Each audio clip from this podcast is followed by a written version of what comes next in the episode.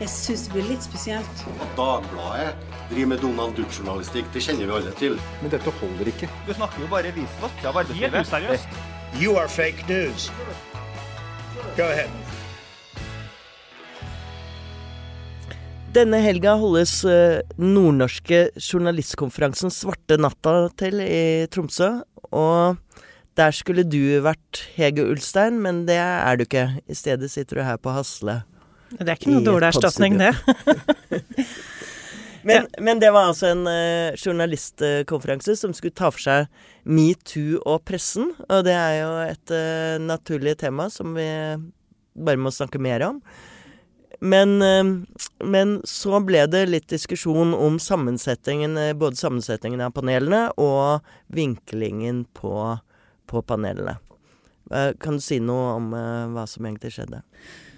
Ja, veldig kort fortalt så skjedde det at jeg ble kontaktet av dem 14. oktober eh, med spørsmål om å delta i et eh, panel som skulle diskutere pressens dekning av metoo. Og det sa jeg ja til. Det syns jeg er en veldig spennende debatt, en viktig debatt. Og et utgangspunkt for å reflektere rundt mange ting. Det kan vi komme tilbake til, hva jeg, hva jeg så for meg at, eh, at jeg kunne bidra med i den eh, debatten, ut ifra hva jeg har skrevet tidligere. Og så eh, oppdaget jeg litt tilfeldig eh, etterpå at eh, i bolken før vi skulle inn, så skulle det være en diskusjon med, med Trond Giske og Fredrik Virtanen om hvordan de hadde opplevd eh, metoo. Og da tenkte jeg at ja ja, det kunne de kanskje ha informert meg om, det, men shit, sånn lang år, Og liksom. tittelen på den Ja. balken var 'Hva gikk galt'? Da pressen dekket uh, Metoo. Eh, og så utviklet dette seg videre til at uh, de gjorde om på hele opplegget og bestemte seg da for at den bolken jeg og de, og de andre pressefolkene som skulle diskutere pressen dekning eh, av metoo, skulle ha Giske med i vårt panel. Og nå på mandag så fikk jeg den siste e-posten om hvilke spørsmål de ønsket å ta opp med meg, og da så jeg at her blir det bare Trond Giske og eh, veldig mye om Bar Vulkan, som jo ikke har Ikke noen ting med metoo i det hele tatt. Det er ingen som har påstått at det var en seksuell trakassering. Det var som andre, andre typer problemstillinger som var aktuelle i den saken. Eh, og da syns jeg premissene for hele opplegget hadde forandret seg så mye at da kontaktet jeg dem og sa at jeg ikke ønsket å være med likevel. Ja, fordi det som eh, var overskriften, at nå skulle Svarte Natta snakke om pressen og metoo, det var egentlig at Svarte Natta skulle snakke om pressen og Trond Giske og Bar Vulkan. Ja. Sånn som, eh, sånn som det skjedde. Og, og, og det ble jo også bekreftet av eh, sammensetningen av panelet, hvor, eh, hvor jo de fleste var opptatt av Bar Vulkan og pølsefester og, og Ja, og, og Giske-saken. Ja, og i- Giske-saken i det store Sånn som jo er, ikke sant? Altså, det er jo en interessant sak, og det er mye vi kan diskutere om den, men, men denne gangen, det jeg hadde gledet meg til, og som jeg mener vi har snakket altfor lite om, eh, og som det er viktig at vi tar en seriøs samtale om eh, i Presse-Norge, det er alle de tingene jeg spilte inn som jeg var opptatt Ja, av å snakke om. Fordi Hege, altså det vi allerede har glemt liksom, Nå er det begynner å bli to år siden de første liksom sprakk sakene sprakk i mediene. Og vi har nesten glemt at dette handlet jo om veldig mange andre ting enn en Giske-saken, som har fått så enorm oppmerksomhet. Eh, det var eh, Ikke minst i politikken kom det frem eh, flere saker, og der er jo de, er jo de sakene hvor folk er navngitte. Mens vi hadde de andre sakene hvor vi hadde skuespillere, vi hadde sykepleiere, vel helsevesenet, vi hadde jurister. Vi hadde flere sånne opprop hvor man gikk ut mot metoo, men hvor ingen, hvor ingen ble nevnt. Men i politikken så var det naturligvis eh, vanskelig å ikke nevne dem, fordi at de var så presist plassert i de ulike partiene. Ja, altså Vi hadde jo begge deler egentlig i politikken. Vi har jo disse sakene hvor folk er navngitt, og så har vi andre saker hvor det bare er sagt at det har kommet varsler uten at vi vet verken hva de gikk ut på, eller hvem det gjaldt, eller hva som har skjedd med, eller ikke skjedd eh, i de sakene. Men eh, for å ta en sak som er godt kjent av Ulf Leirstein eh, i Frp, som eh, det kom fram etter hvert at han hadde sendt hardporno til eh, mindreårige, til barn, eh, eller altså unge tenåringer, fra sin stortings-e-postkonto. I tillegg så har han foreslått overfor en annen Frp-er at de skal ha trekantsex med, med en ung FPU-er. Altså veldig grove saker, vil jeg si. Hva, hva konsekvensen ble for han i Frp utover at han byttet kom komité, det er veldig uklart. Men det vi vet, er at mange har med høy troverdighet sagt at de varslet Siv Jensen om dette da de fikk vite om det for, for noen år siden. Og hun avviser ikke at hun ble varslet om det, men hun sier at hun ikke kan huske det. Mm. Og det syns jeg er et, eh, et utsagn fra en partileder og finansminister at hun blir varslet om at en stortingsrepresentant holder på på den måten der, og hun ikke kan huske varselet. Da øh, syns jeg at vi kanskje i pressen vi, vi bør i hvert fall ta og stille oss selv spørsmålet fulgte vi opp den saken godt nok? Burde vi gått henne nærmere på klingen? Slapp Frp for lett unna?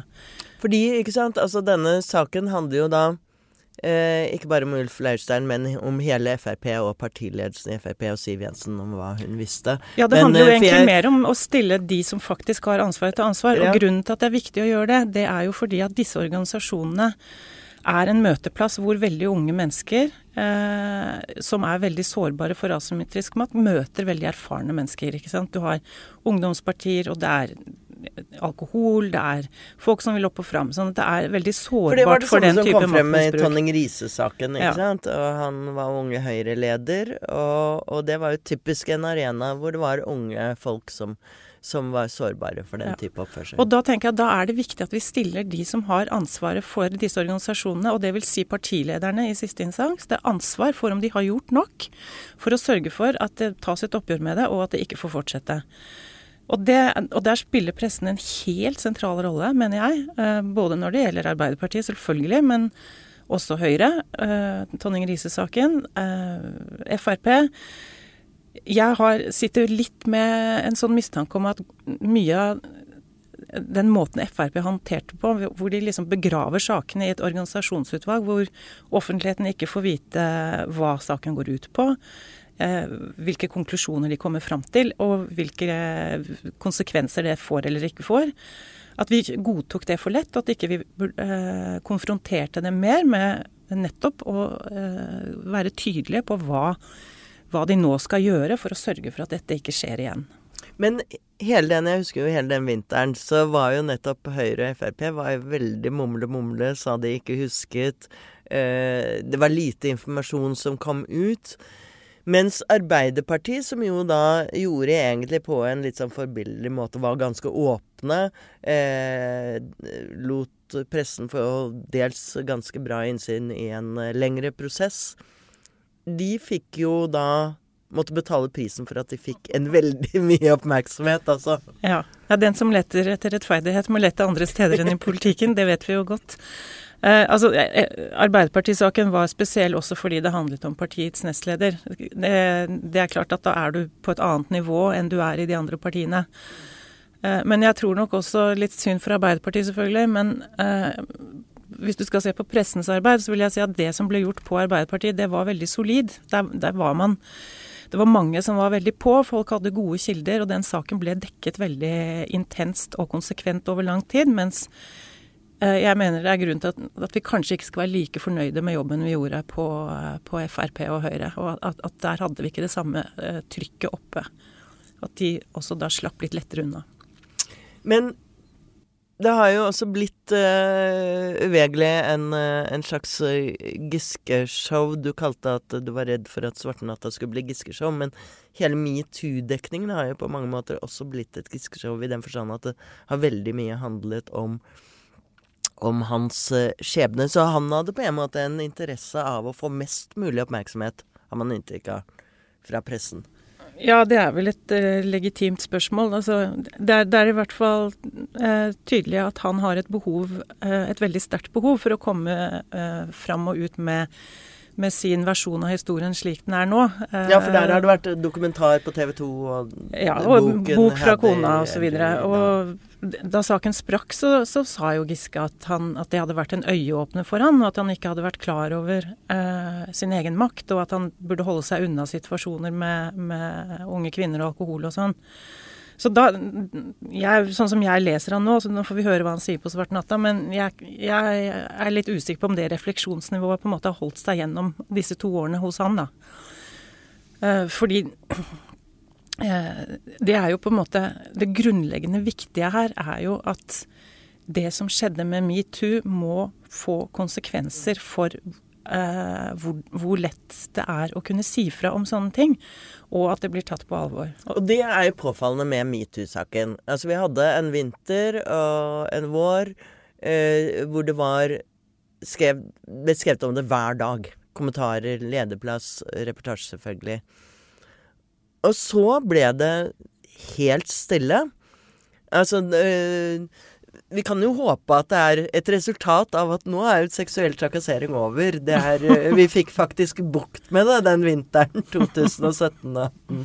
Så nå er, det, nå er, det, slutt, liksom. Mm. Men, eh, men eh, eh, det er vel heller uttrykk for at hele denne prosessen, som har vært eh, ganske dels brutal gått for seg, har har kanskje skremt varslere fra å si fra. Da. Det er jo unektelig blitt Når man snakker om at Trond Giske har fått så enormt mye oppmerksomhet, så er dette en mann som er vant til å stå i medienes søkelys. Men det er jo en god del varslere som også har fått tåle ganske mye oppmerksomhet.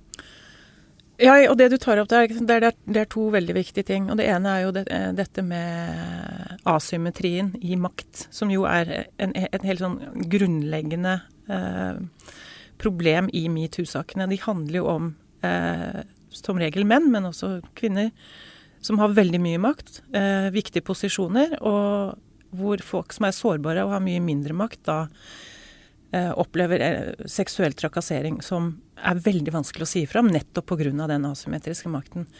Og, så, og, og, det jeg tror er veldig viktig at vi tenker på i pressen og er klar over, er at den asymmetriske makten forsvinner ikke i det varselet oppstår og saken blir en metoo-sak. Den fortsetter jo å være der. Sånn at også i den fasen så vil du ha en varsler som er i en helt annen posisjon enn maktpersonen det er varslet mot, både når det gjelder medieerfaring, som du sier, at de har et apparat rundt seg, de har kommunikasjonsrådgivere, eh, de har nettverk, bekjentskaper. Eh, alle disse tingene som varsleren ikke har. Og det, det er vi nødt til å ta hensyn til. Og møter en storm og en motmakt ja. i mange tilfeller som, eh, som, man ikke er forberedt på når man er vanlig, ja. en vanlig sivilist. Ja. Og, er, eh, og derfor syns jeg altså det er urovekkende at det har blitt så stille. Uh, og vi vet jo ikke, som du sier, altså det kan jo hende selvfølgelig at all seksuell trakassering har opphørt. Jeg, det ja, tror jeg det kanskje vi. er kanskje litt naivt å tro det. Men, uh, men, men, hvis det er sånn at, at den belastningen disse varslerne har blitt utsatt for ved å stå fram, har vært så tøff at det har fått andre til å, til å ikke tørre å gjøre det, så er det veldig alvorlig. Det er ikke noen annen måte å beskrive det på. Og hvis det er sånn at vi i pressen er, også har blitt tilbakeholdne fordi det har vært så problematisk og vanskelig, at vi liksom har sluttet å skrive om det, så er jo det også en synes, diskusjon som er kjempeviktig å ta. Altså disse, flere av disse varslerne som da har vært uh, anonyme, flere av det, og det har man jo rett og lov til i, når man er varsler, er jo blitt hengt ut og identifisert, blant annet. Eh, så det er jo sånn man egentlig skal, skal, bli spart for, men som da noen nærmest syns er rett og rimelig, fordi de ikke ser dette asymmetriske eh, forholdet, og heller ikke vet så mye om varslingsinstituttet, har du litt inntrykk av. Men dette er jo Det er en uendelig mye å snakke om her, men det det har resultert i også, er jo at pressen har da eh, I motsetning til hva alle sier, så har jo pressen en egen tendens til å ville piske seg selv når de får anledning. Og det har de jo gjort i denne saken, først gjennom eh, selvfølgelig denne enorme Bar Vulkan-saken, som jeg mener ikke er en metoo-sak. Men uh, hvor, uh, hvor, VG uh, gikk jo kanossagang og pisket seg selv så det holdt. Og, men så har de satt ned det som heter Kildeutvalget som foreslår, som resultat av denne Bar Vulkan-saken, eh, nye regler for bl.a. sitering og bruk av anonyme kilder. Eh, det er jo bare en eh, rapport som er lagt frem nå, og så skal presseorganene ta stilling til det nå. Mm. Men eh, ja, jeg, har ikke, jeg, har ikke, lest hele rapporten, men fordi denne eh, saken har vært aktuell nå denne uka her med, med Svarte natta, så har jeg lest det veldig korte avsnittet som handler om anonyme kilder i metoo. Jeg tror det er på halvannen side eller noe sånt, så det er ikke så mye som står der, dessverre. Jeg kunne godt tenkt meg en ganske brei og grundig drøfting av det, for det er jo veldig viktig og interessant stoff. Men litt i forlengelsen av det vi sa i stad, om varslere og at de eh, kanskje blir redde for å stå fram. Altså, der er det eh, fremmet noen påstander som, eh, som, det er vanskelig å lese på noen annen måte enn at varslerne i Giske-saken Eh, har andre motiver. At dette handler om en maktkamp, og at den andre nestlederen i Arbeiderpartiet, Hadia Tajik, har operert i et eller annet sånn slags uh, samrøre med varslerne i en maktkamp mot Trond Giske. Det slår jo bortimot fast uh, ja, dette kan, i kildeutvalget. Som, som det er for jævlig i etterkant, da vi fikk vite at støttespillerne til Hadia Tajik gjemmer seg ved å være anonyme kilder. Denne saken viser det tydelig. Det var en konflikt, en krystallklar maktkamp. Og vi i pressen lot oss bruke alle som en. Eh, siteres en Nettavisen-journalist på i, i, rapporten. En anonym Nettavisen-journalist? Nei, han er, uh, det, han er ikke anonym. Det er på en måte ikke relevant heller. Det som er relevant her, er jo at hvis du velger å publisere så eh, grove påstander av mm. faktisk art, mm. Mm. så skal du sjekke om opplysningene er riktig. Og sånn som jeg forstår det, så har ikke Kildeutvalget gjort det. De har, eh, de har ikke foretatt seg noe for å undersøke om dette stemmer. Og det, det, som er alvorlig ved det, er jo at det inntrykket som skapes, er at disse varslerne har en annen agenda enn å si fra om det de blir utsatt for. At de deltar i en maktkamp i Arbeiderpartiet. Og det, det er en beskyldning de har fått før, og det vet vi jo at det er eh, selvfølgelig veldig problematisk og, og vanskelig for dem å, å, bli mistenkeliggjort på den måten. Men, men det folk eh, glemmer altså eh, For det første, vi, vi fleiper litt med at uh, når har det ikke vært maktkamp i Arbeiderpartiet? ja. Men eh, at man må også se for seg at der hvor det er varsler, er det ofte slike beskyldninger som kan reises. Men det gjør jo ikke varselet mindre gyldig eller legitimt.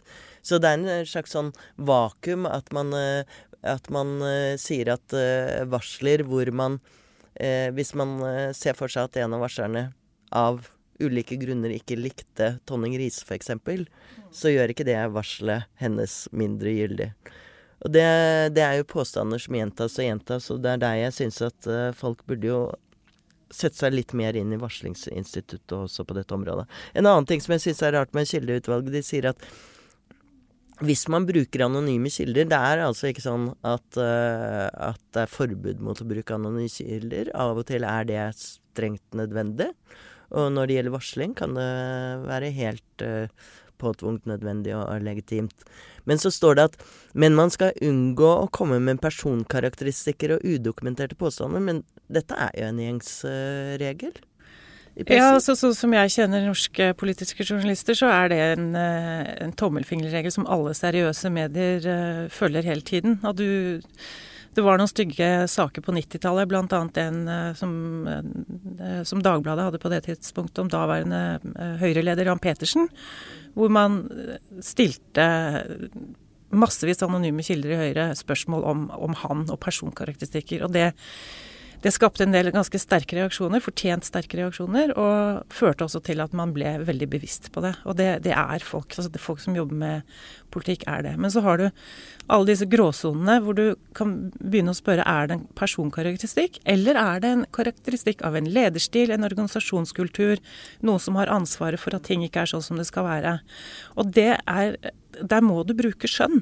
Kan, altså det er veldig vanskelig å se hvordan du skal si at det alltid er det ene eller alltid er det andre. Du er nødt til å uh, se hver sak for seg, og så uh, finne ut av om det er på en måte innafor eller ikke innafor. Men å bruke anonyme kilder for rene personkarakteristikker, det, det opplever alle som helt uinteressant journalistikk. Og, ja, og det reagerer jo folk ja. på og tilbakeviser også, så det er uh, Vi skal snakke litt om kildeutvalget etterpå, men men kan vi liksom konkludere egentlig at hvis vi skal snakke om metoo og pressen, så burde, man, burde overskriften vært en slags sånn Metoo, hvorfor sluttet vi å dekke det? Ja, jeg syns det hadde vært en uh, utrolig interessant debatt. Og det kunne jeg reist både til Tromsø og andre steder for å delta i. for du er ikke redd for å delta i debatter, det skal du ha, Hege Ulstein. Og takk for at du kom i, hit i studio. Takk for at jeg fikk komme. Og så får vi vente på hva de sier oppe i Tromsø. Ja.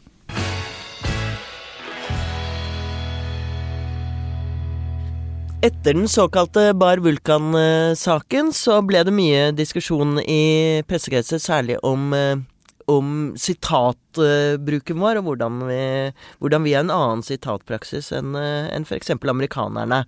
Og Norsk Presseforbund satte ned et uh, utvalg, det såkalte Kildeutvalget, i mars 2019. Og de la denne uken frem sin, uh, sin rapport, eller sin vurdering av konklusjoner. Et utvalg ledet av Sven Egil Omdal. Og uh, Jon, Jon Olav Egeland mangeårig PFU-medlem, vil jeg si, i denne kapasitet. Og ikke minst tidligere sjefredaktør, redaktør. Og du kan alle disse pressereglene og etikken ut og inn, ikke sant? Vel, jeg burde gjøre dette tolv år i PFU, så burde jeg kunne noe om det. Ja, så hva er, det, hva er, hva er hovedpunktene? Foreslår de noen drastiske endringer, eller er det ja, De foreslår en del, vil jeg heller, innstramninger og presiseringer. Og noen av dem kommer nok til å vekke en del, en del uh, diskusjon. Det gjelder særlig innstramning når det gjelder bruk av uh, anonyme kilder, som vel er den viktigste av de forslagene som de, som de tar opp. men så er det andre ting som gjelder, da, som du nevnte, måten vi siterer på. Det gjelder forholdet til, eh, og det er viktig, eh, forholdet til eh, kilder som ikke er profesjonelle. Der ønsker de noen innskjerpelser, og det tror jeg er fornuftig at, at man gjør.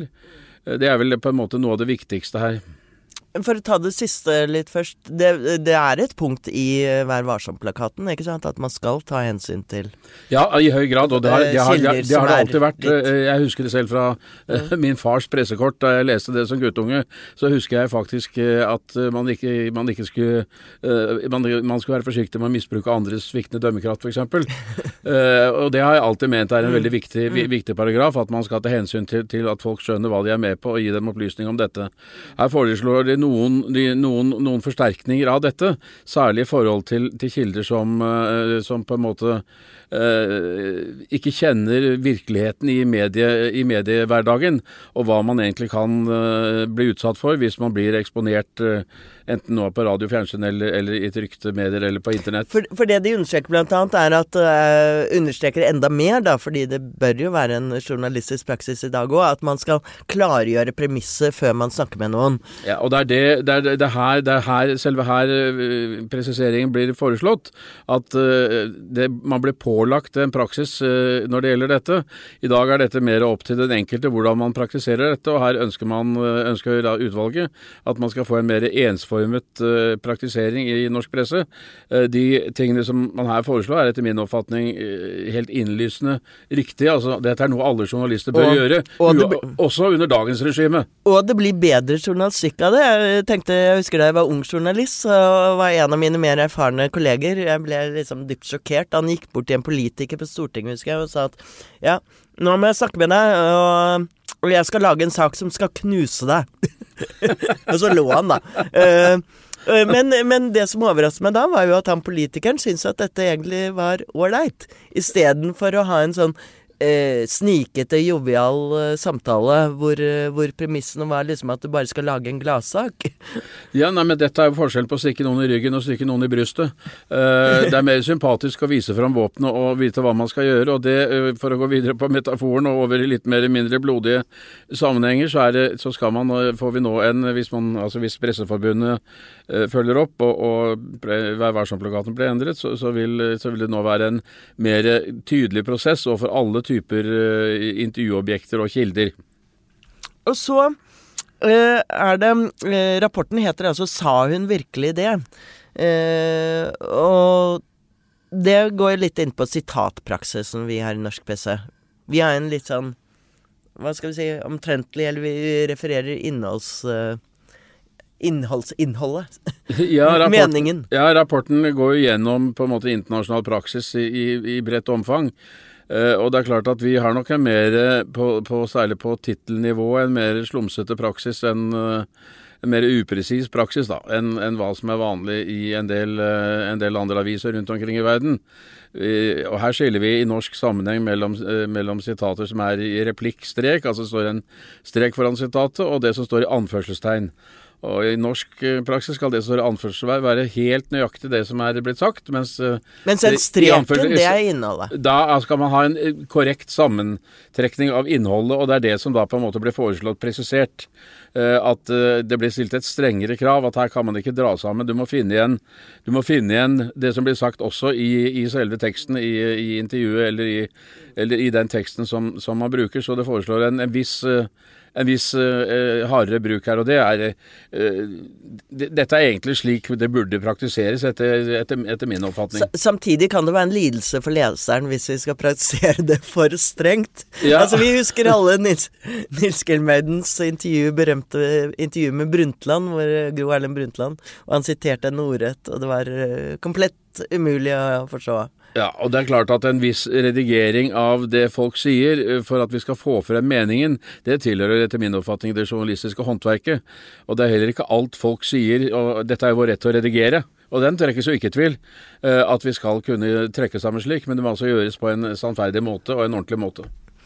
Og så er det et annet sentralt eh, punkt i, i rapporten, er altså bruken av anonyme kilder. Og her er det kanskje, kanskje det punktet hvor de utfordrer eh, den vanlige pressepraksisen mest. Ja, altså Vi har jo bestemmelser om, om dette i dag eh, som, som, gjør at man skal vise varsomhet ved bruk av eh, anonyme kilder. Eh, her ønsker de å forsterke dette. De ordene som de bruker, er at eh, man ikke skal bruke dette å unngå personkarakteristikker og eh, udokumentere påstander eh, i anonyme kilder. Og i utgangspunktet lyder jo det plausibelt. De færreste av oss vil vel uh, komme trekkende med det i, i, en, i, en, slik sammenheng, selv om det nok har vært en viss tradisjon for at man skal kunne gi, mene noe om f.eks. en partileder i visse deler av den politiske journalistikken, så, så, skjønner vi hensikten bak dette. Men jeg er litt betenkt over dette, og jeg, tror, jeg er ikke sikker på om det er nødvendig, fordi, og det har mest å gjøre med å beskytte At kildebeskyttelsen her må være, må være det tror jeg, viktigere enn Og at det er en god del ting som varslere skal fortelle om som hvor det er viktig at vi ikke trekker altfor strenge regler rundt det. Nettopp fordi eh, det handler om så sensitive ting hvor folk har krav på beskyttelse. Og Her er jo selvfølgelig metoo-sakene et, et, et, eksempel på dette. Men det vil jo f.eks. være ofte innen, helse, innen helsesektoren, f.eks. innen barnevernet. Det er en masse andre steder hvor, hvor, man er nødt til, på en måte for å få belyst saken, eh, å komme med, med påstander som vi selvfølgelig skal undersøke. Men hvor det ikke alltid er mulig å komme til bunns i det. Uh, og jeg mener at når det gjelder f.eks. Uh, store organisasjoner, store firmaer, uh, fagforeninger, alle disse som nå omgir seg med et hav av portvoktere, uh, og som holder streng kustus internt Det gjelder jo også kommunene i vår tid, ikke sant. Eh, at der, der, der, er det behov for varslere, og vi må sørge for at de har et så godt vern som mulig, og at vi har mulighet for å få frem sakene.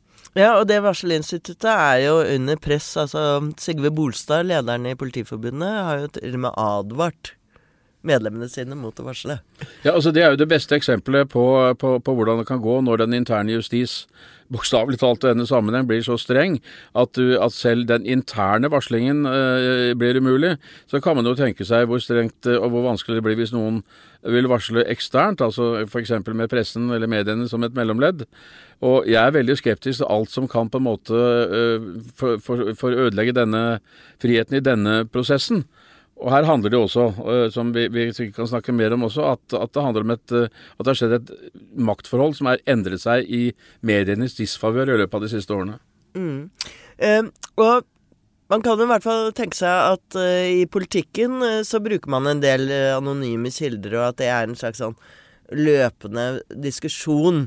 Og så tenker man at Kanskje når folk hører det, at vi bruker anonyme kilder sånn, så sier de at uh, Så syns de det er en helt uhørt praksis av og til. Men det blir jo gjennomskutt med en gang. Altså hvis du, hvis du prøver deg med noe juks eller bedrag Som regel så vet jo alle hvem disse anonyme kildene er, i hvert fall på Stortinget. Ja, er, I politikken er det som regel meget lett å gjennomskue. Det, man kan jo bare følge eh, det gamle prinsippet om hvem er det som har interesse av dette, og hvem er det som ikke har det. Eh, så vil man i hvert fall meget fort kunne, kunne komme nærmere hvem, hvem, det er. Eh, og i politikken er det jo ofte heller ikke noe stort poeng for de som vil opptre anonymt, å være egentlig så veldig anonyme. De vil bare ha et lite formelt skall rundt seg. Så i politikken er dette mer en del av et internt spill. Og det er ikke så mye som står på, på, på, står på spill for ytrerne her. Eh, og politikerne er vant til å bli karakterisert, eh, og de skal bli karakterisert. Eh, så jeg mener at det er et område hvor man eh, kanskje ikke bør uroe seg så veldig mye over den praksis som er. Men, men, eh, når det gjelder kildebruk, som de også er inne på her, og kildebeskyttelse ikke, ikke minst, som, som, er viktig for pressen, altså det er jo heldig, kildevernet. Og det er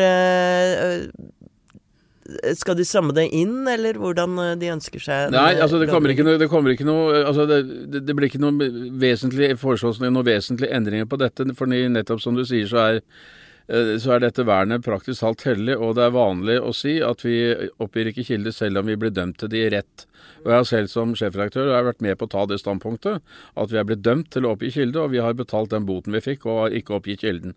Og Det er en holdning som jeg tror de fleste norske pressefolk har, og her kan det ikke bli noen, noen endring på det på noen som helst måte. For hvis det øyeblikket vi ikke har tillit hos kildene når det gjelder disse tingene, det, det, er, det er ille. Det som beskrives i rapporten er at det er en god del journalister som ikke tar dette på samme alvor. At de er slumsete i sitt forhold til hva som blir sagt uh, fortrolig og, eh, og eh, med, med, klausulert at det ikke skal siteres. Eh, og Her tar de opp noe viktig. Altså Dette er ikke bare et spørsmål med en formell bestemmelse, men også hvordan vi journalister praktiserer det. Ofte er det jo slik at til og med kilden er, kan være hemmelig også for sjefredaktøren. Ikke sant. Det er, det er, veldig viktig å presisere at så hellig er dette kildevernet. Men dette er jo en Eh, ganske stor rapport, og som skal behandles da i alle presseorganer. Men hvis man vedtar disse endringene, hvilke konsekvenser får det? Da skal det inn i, inn i Vær varsom-plakaten, vel? Ja, altså alle, alle de, for, de, konkrete forslagene er endringer i Vær mm, varsom-plakaten. Ja. De fleste som foreslås er, vil jeg kalle presiseringer, som på en måte uh, sier noe om dagens praksis. Eh, det viktigste mm, og antagelig mest kontroversielle spørsmålet er det som gjelder, eh, det som gjelder eh, anonyme, anony, bruken av anonyme kilder, og, og, hva den presiseringen som han foreslår, hva den egentlig betyr. og Der antar jeg at det vil bli en del, god del motstand og en god del diskusjon om, om, om den er for rammer på en gal måte. Det er antagelig det viktigste stedet. De andre stedene er, er mindre kontroversielle, i hvert fall i mitt hode. Fordi, eh, som eh, vi har vært inne på, så er det jo kanskje denne rapporten startet jo da, ble utløst av eh, Bar Vulkan-episoden og metoo-sakene rundt Trond Giske. Og det er kanskje det som preger da denne motstanden mot bruk av anonyme kilder. At man har det litt for lengt, eh, langt fremme i pannebrasken, mens anonyme kilder kan være et gode og et nødvendig virkemiddel. Ja, og dette er, dette er, litt, dette er sånn klassisk, det du nå beskriver det klassiske dilemmaet i presseetikken. For det er veldig ofte sånne enkeltepisoder, enkelthendelser, altså, som er ofte store og betydningsfulle i seg selv, som fører til endringer i Vær varsom-plakaten. Og da må man alltid ha uh, med seg uh, at det er ikke bare én sak uh, Vær varsom-plakaten skal brukes til, men utrolig mange forskjellige saker. Og jeg har, etter de tolv årene som jeg nevnte i PFU, så har jeg aldri opplevd to saker som har helt like etiske dilemmaer. De er alltid forskjellige, slik at uh, Vær varsom-plakaten er liksom ikke Den er ikke noe du spikrer på veggen og så vet du hva du skal gjøre. Den, den, må også brukes, og den må fortolkes også i hver eneste redaksjon og av hver eneste journalist.